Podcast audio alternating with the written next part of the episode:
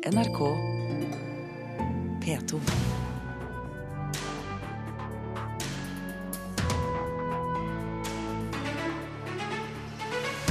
Russland og Ukraina preger litteraturfestivalen på Lillehammer, som åpner i dag.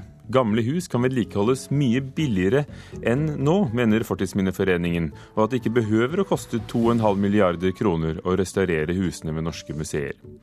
Leketøysbutikkene er tomme for Disney-dukker etter kassasuksessfilmen Frost, og en forlegger sammenligner gatemusikk dagen lang med tortur. Dette er saker i Kulturnytt i Nyhetsmorgen i NRK med Ugo Fermariello.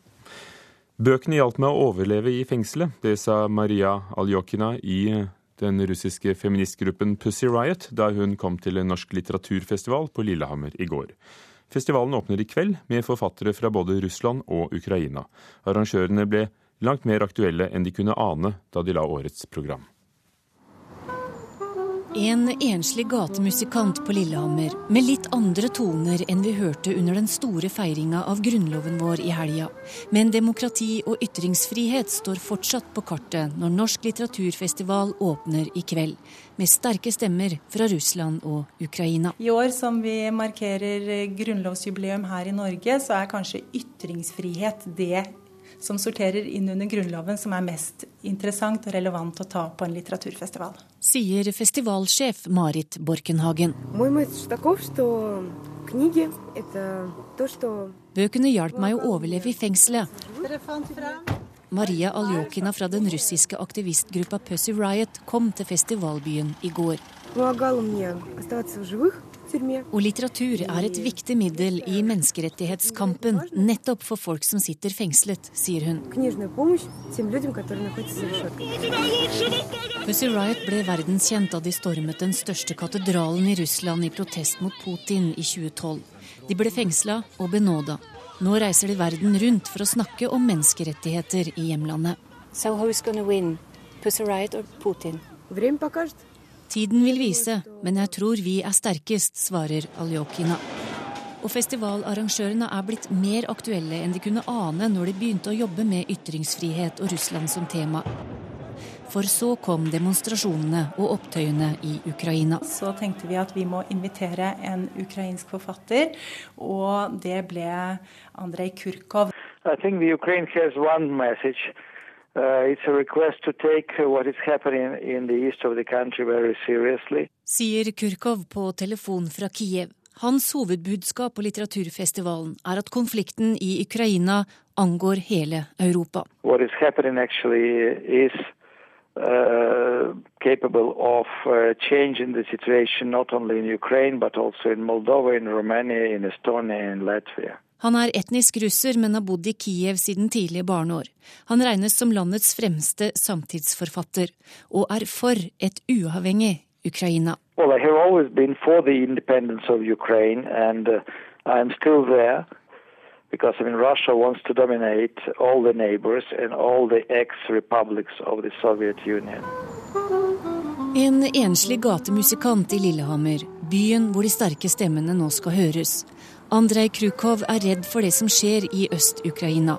Håpet ligger i helgas presidentvalg. We need a completely legitimate uh, government, president and parliament, first of all. Vi trenger et legitimt uh, parlament først og fremst, sa eh, forfatteren til vår reporter Torunn Myhre på Lillehammer. Marta Norheim, litteraturkritiker i NRK. Det er kommet uh, en del litteraturfestivaler til Norge, men hvilken posisjon vil du si at den norske litteraturfestivalen på Lillehammer har? Ja, den har jo 20 år på baken. Den er knutepunktinstitusjon, og eh, den eh, er den største i Norden. Så det er jo de formelle eh, tingene. Nå er det riktig som du sier, det er kommet mange, altså ikke minst kapittel i Stavanger og, og Bjørnsonfestivalen i Molde, og knoppskyting over hele landet. Ehm, så eh, hva som er viktig, vil jo òg være litt avhengig av øynene som ser. Altså Kapittel har jo faktisk profilert seg veldig på yrkes, ytringsfridom eh, som et tema som går gjennom hele. Nå skal jo eh, også Lillehammer bevege seg inn i, i, det landskapet i år. Så de nærmer seg kanskje litt grann hverandre. Og jeg har nok litt inntrykk av at det kanskje Kapittel har pusta eh, Lillehammer i nakken de aller siste åra. Det har til tider stormet rundt festivalen, f.eks. da daværende leder, forfatter Stig Seterbakke inviterte holocaust-fornekter David Irving i 2009. Mm. Da var det veldig mye debatt. Men hvordan har festivalen utviklet seg? Ja, Det var vel mer et unntak enn en regel. Altså, Det var spesielt. Han ble invitert, og så ble han eh, avinvitert, hvis det går an å eh, kalle det for det. Og Seterbakke gikk i den sammenhengen av som leder for festivalen. Eh, sånne ting har ikke skjedd verken før eller seinere. Og, og, jeg tenker et suksesskriterium for en festival er ikke om du får store oppslag. Altså, Et suksesskriterium er heller ikke om du har store forfattere. Et suksesskriterium for en festival er at noe skjer på festivalen som er viktig. Altså, eh, Stemmer må møtes og, og, skape noe nytt der og da. Eh, folk må ha det moro, folk må bli rista ut av sin komfortsone, folk må møte noen andre. Altså, alt dette her må skje. Så det er jo en, er jo en balansekunst mellom eh, det største tullet og det djupeste alvor, mellom billig børst og de store diskusjonene, som jo godt lar seg kombinere. Så, så det er mange ting som må til for at det skal bli en flott festival. Og med de suksesskriteriene i bakhodet, hvordan tegner årets program seg? Syns du? Ja, jeg syns det mest spennende sånn, eh, når en ser bare på eh, sidene i programmet, er jo dette her med det østeuropeiske. Ikke minst da eh, Slavenka Drakulik, som faktisk har vært før, og som skriver noen helt fantastiske bøker som også finnes på norsk, og Svetlana Alk Leksievitsj, eh, som har skrevet denne boka som kommer på norsk nå, som heter 'Krigen har intet kvinnelig ansikt', som også er ufattelig sterke ting, der hun for mange år siden eh, intervjua kvinner som var aktive i Den røde eh, armé under krigen, og fikk fram deres historier, som ofte var noen andre historier og noen andre erfaringer eh, enn de mer heroisk orienterte historiene til den mannlige og majoritetsdelen av disse armeene. Disse to kvinnene, i tillegg til Andrej Kurkov fra Ukraina, er en svært sterk trio som jeg tror kan uh, bidra i den alvorsdelen av uh, programmet. Undertittelen er jo Sigrid Undset-dagene, og det begynte som Sigrid Undset-dagene. Er det noe plass til nobelprisvinneren lenger? Eh, mindre og mindre. Altså, eh, festivalen ble født ut av Sigrid Undset-dagene eh, midt på 90-tallet. Eh, og navnet har hengt ved hele tida. Nå mer symbolsk, vil jeg tro, enn reelt. Det er nok et program eller to om Undset, men det er ikke et bærende element i litteraturfestivalen. Og da er egentlig Sånn, sånn blir det. Sånn skjer. Sånn er det. Takk skal du ha, litteraturkritiker her i NRK, Marta Norheim. Norsk litteraturfestival på Lillehammer åpner i kveld, og Kulturhuset i NRK P2 sender direkte derfra torsdag og fredag denne uken klokken 14 begge dagene.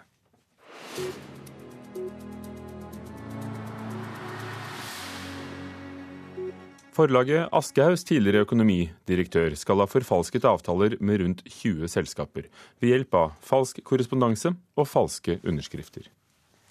I går kom det frem at underslaget som den tidligere økonomidirektøren hos Aschehoug har begått i forlaget, er langt mer omfattende enn hva han først erkjente. Det totale underslaget beløper seg til hele 9,4 millioner kroner, noe den tidligere økonomidirektøren nå har innrømmet i avhør.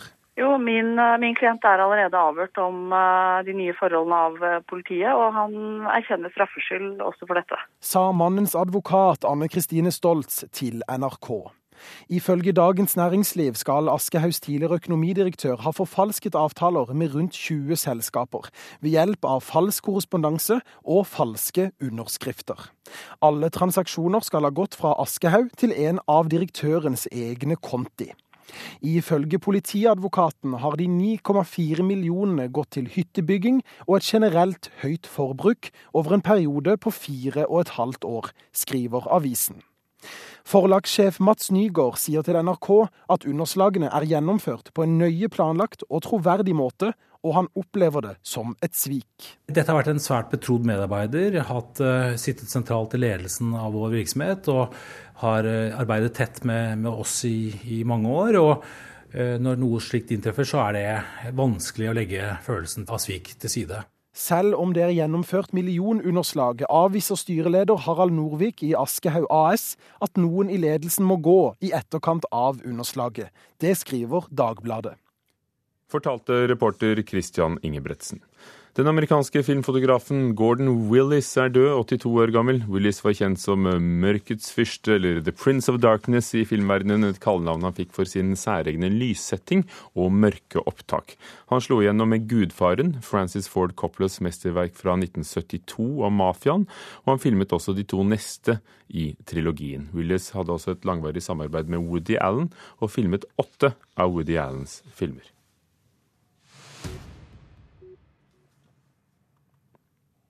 Det er unaturlig dyrt å vedlikeholde kulturhistoriske bygninger, mener Fortidsminneforeningen. I går fortalte vi at Anno museum i Hedmark, det tidligere fylkesmuseet, alene har et ugjort vedlikehold for 250 millioner kroner. På landsbasis kan det være snakk om 2,5 milliarder kroner. Fortidsminneforeningen tror det er mulig å ta vare på disse bygningene for langt billigere penge enn det som er tilfellet i dag. Jeg vil si at det er mulig å, å, få god kvalitet, men til en rimeligere penge enn det man ofte gjør på disse prosjektene. Det sier generalsekretær i Fortidsminneforeningen, Ola Fjellheim. Han mener staten kunne ha pusset opp flere kulturhistoriske bygninger om de valgte billigere løsninger mye av prosjektene så det, brukes det veldig mye tid og ressurser på forskjellige typer konsulenter som skal eh, inn og, og mene ting og styre prosjektet. Og jeg mener at ved å, å, legge mer på håndverkerne, la de ta litt mer avgjørelser og la de styre arbeidet mer, og på en måte gjøre mer av planleggingen, så vil man kunne komme rimeligere ut. Her, her er det et flistak som er helt gåent, ser du. I går fortalte NRK at Hedmark fylkesmuseum alene har et vedlikeholdsetterslep på 250 millioner kroner på sine bygninger. For hele landet kan dette dreie seg om så mye som 2,5 milliarder kroner. Her er det måse og det lekker, så her må du gjøre noe tiltak med en gang. Staten forvalter om lag 5000 kulturhistoriske bygninger. Bredden er stor, fra små kvernhus til store låver, sjøhus og fabrikker. Mange bygninger har behov for rehabilitering. Kulturminister Toril Vidvei sier at regjeringen skal lage en kartlegging av kulturhistoriske bygg. Det tror jeg vil komme til å ta litt tid, for det er ikke alle steder man har oversikt over uh, tingenes tilstand, og, og, og, heller ikke kanskje en oversikt over hva man skal bygge på. Men det er også et faktum at man i løpet av de senere årene nå har uh, bedt om at det prioriteres vedlikehold i bygningene og hun synes Fortidsminneforeningens innspill er interessant. Hvis det er tilfellet at det er uh, alternative måter man kan gjøre det på, så er jo det veldig positivt at man kan få mer ut av de pengene man uh, til enhver tid har til rådighet. Og så er det viktig at det er kompetente folk som skal gjennomføre dette, og at det er en grundig vurdering på hva som skal gjøres. Så det, det, må man ikke eh, spare på, for å si det sånn. Men eh, det er jo veldig interessant når for eh, Minneforeningen påpeker dette forholdene, så det er jo absolutt noe man må se på. Kulturpolitisk talsperson i SV og tidligere miljøvernminister Bård Vegar Solhjell har ingen formening om hvorvidt vedlikeholdet kunne vært gjort billigere. Men at vi har et milliard vedlikeholdsetterslep på kulturhistorien vår, det er det vel liten tvil om. Det viser at vi trenger fortsatt å øke bevilgningene til norske museum og til kulturminnevern i Norge. Det er historien vår det er snakk om, og, å vedlikeholdet den er enormt viktig for etterlaten til, til ettertida. Her kjenner dere tydelig, her er det, her er det helt lealøst. Så her er det en råteskade inni. Vi skal huske på at det er veldig mange av de museumsbygningene rundt omkring er veldig enkle bygg.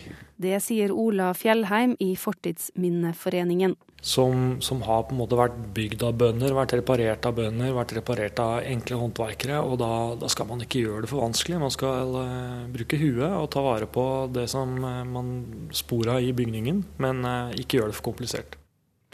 Og reporter var Eirin Venås Sivertsen. Klokken er 17 minutter over åtte dører på Nyhetsmorgen i NRK. Overskriften i dag.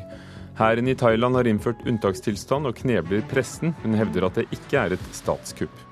Bønder fra hele landet protesterer i Oslo i dag. Menn som voldtar på fest har gjort det samme før, viser tall fra Kripos. Og vi anmelder ny norsk bluegrass-musikk senere her i Kulturnytt.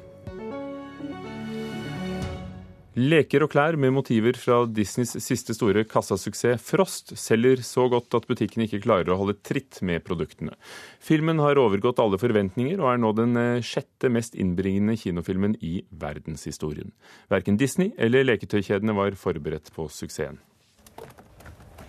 Det er Anna og Kristoffer, men det er ikke noe Elsa her.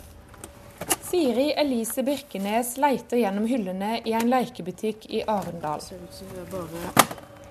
I en måneds tid har hun og samboeren Lars Ragnar Eriksen lett etter Barbie-utgaven av Snødronningen Elsa fra den populære Disney-filmen 'Frost' til datteren som blir fire år i juni.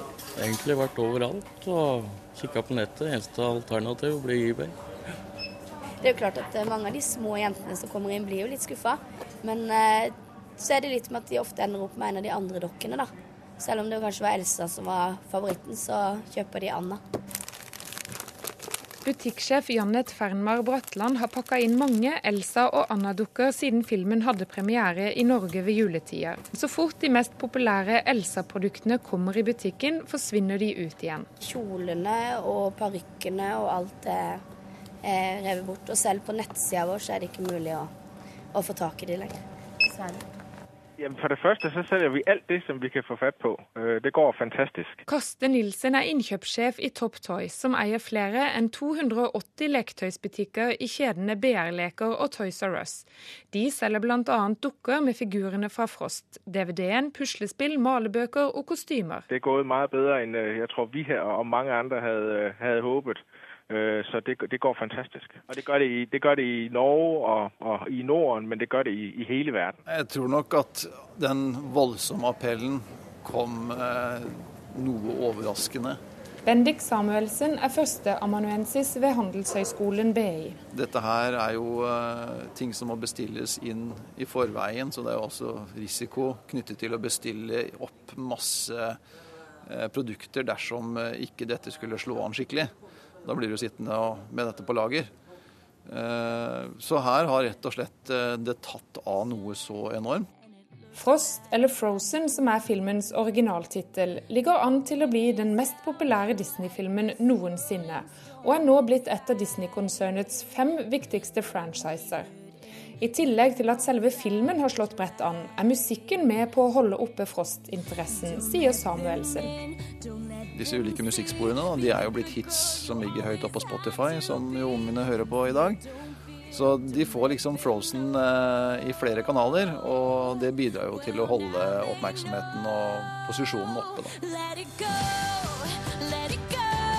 Salgssjef Gustav Wedel Jarlsberg i Walt Disney Norge sier de ikke var forberedt på den enorme suksessen, men lover at det kommer flere og nye Frost-produkter i leketøysbutikkene fra høsten av. Så dette her kommer, men, men det tar litt lengre tid enn vi optimalt skulle ønske. men Heldigvis så, så, får vi nå en mulighet til at det kommer en rekke nye Frozen-produkter som kanskje ikke var tiltenkt i utgangspunktet, fordi at suksessen har blitt så stor som den har blitt. Men nye Frost-produkter etter sommeren hjelper lite når du har en datter med bursdag i juni.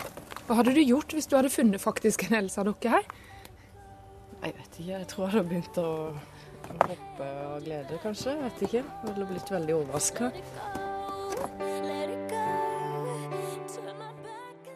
Reporter Miriam Grov på jakt etter eh, produkter fra filmen Frost. Støyende gatemusikanter går på helsen løs for folk som arbeider i Oslo sentrum, hevder ansatte i forlaget Basar.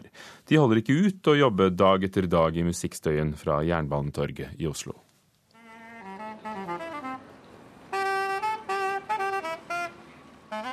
Saksofonisten Ion Cantaragieux Rastornel er blitt en del av bybildet. Mange liker hans og andres gatemusikk på Jernbanetorget når de haster forbi til eller fra jobb. Men for ansatte i nærheten, som hele dagen må høre de samme melodiene om og om igjen, er det uutholdelig, sier forlagssjef i Basar, Øyvind Hagen. Ja, det går på helseløse folk. Her er helt utslitt. Og det går en sånn evig runddans døgnet rundt. Og vi sammenligner her med sånn japansk vanntortur. Altså du blir rett og slett sprø av det. De basaransatte truer altså med å sykemelde seg fordi de ikke holder ut det de kaller helseskadelig støy, Fra saksofoner eller pannfløyter eller hele tigerorkestre. Derfor trygler forlagssjefen alle slags myndigheter om å rydde opp i situasjonen, så langt uten hell. Ja, De ansatte blir slitne og frustrerte. De klarer ikke å arbeide. De må sitte med øretelefoner, og de klarer ikke å kommunisere seg imellom. Det er fullstendig utslitende. Jeg merker det selv også. Jeg sitter også her ved vinduene. Jeg jobber mest hjemmefra. Jeg orker ikke å gå ut. I Oslo kommune kan hvem som helst synge og spille i gatene. Det sier leder for Oslo-vaktene, Osman Ibrahim i Bymiljøetaten. Det er bare hvis man vil bruke høyttaleranlegg at man må ha tillatelse. Ja, det, det, settes ikke noen krav til, eh, eller tillatelser til å kunne spille i, i gaten. Det gjør det ikke. Det her er jo noe som er lagt opp fra kommunens side også, fordi man ønsker byliv eh, i, eh, i gata. Politiet kan be plagsomme og støyende musikere om å flytte på seg. Ordenssjef ved Grønland politistasjon, Karsten Fossum, sier de griper inn når de blir bedt om det, men at politiet ikke har ressurser til å følge med på musikken døgnet rundt. Vi har jo full forståelse på, og, responderer jo også på de klagene som kommer fra dette firmaet, når det kommer. Men uh, generelt i Oslo by så er det jo lovlig, og, og man også ser på det som et kulturinnslag. Og så blir det jo vår vurdering da å respondere når vi får melding om at dette er støyende, og deretter iverksette de tiltakene vi har mulighet til å gjøre. Forlagssjefen i Basar møter altså forståelse, men ikke hjelpen han ber om for å bli kvitt støymusikken. Dette er noe vi må lære oss å leve med, sier leder av Oslo Handelsstandsforening, Gunnar Larsen. Vil vi ha et levende bysentrum, må vi også tåle gatemusikk, mener han. Ja, det tror jeg vi må leve med. og og, og gjøre best ut av det. og Rett og slett eh, snakke litt med hverandre og skaffe forståelse for at det som en oppfatter som positivt, at det er et problem for en annen. Har du noe råd til forlagssjefen i Basar? Jeg, tror han har vært eh, veldig flink og åpen og, og, og, gjort det han kan, ja, og uten at problemet er eh, løst. Så det, det, blir nok fortsatt å snakke med de det gjelder, og få de rett og slett til å flytte seg. Og kanskje gi de noen gode grunner til å flytte seg også. Leder Oslo Handelsstandsforening Gunnar Larsen til slutt, til reporter Kjell Vesje.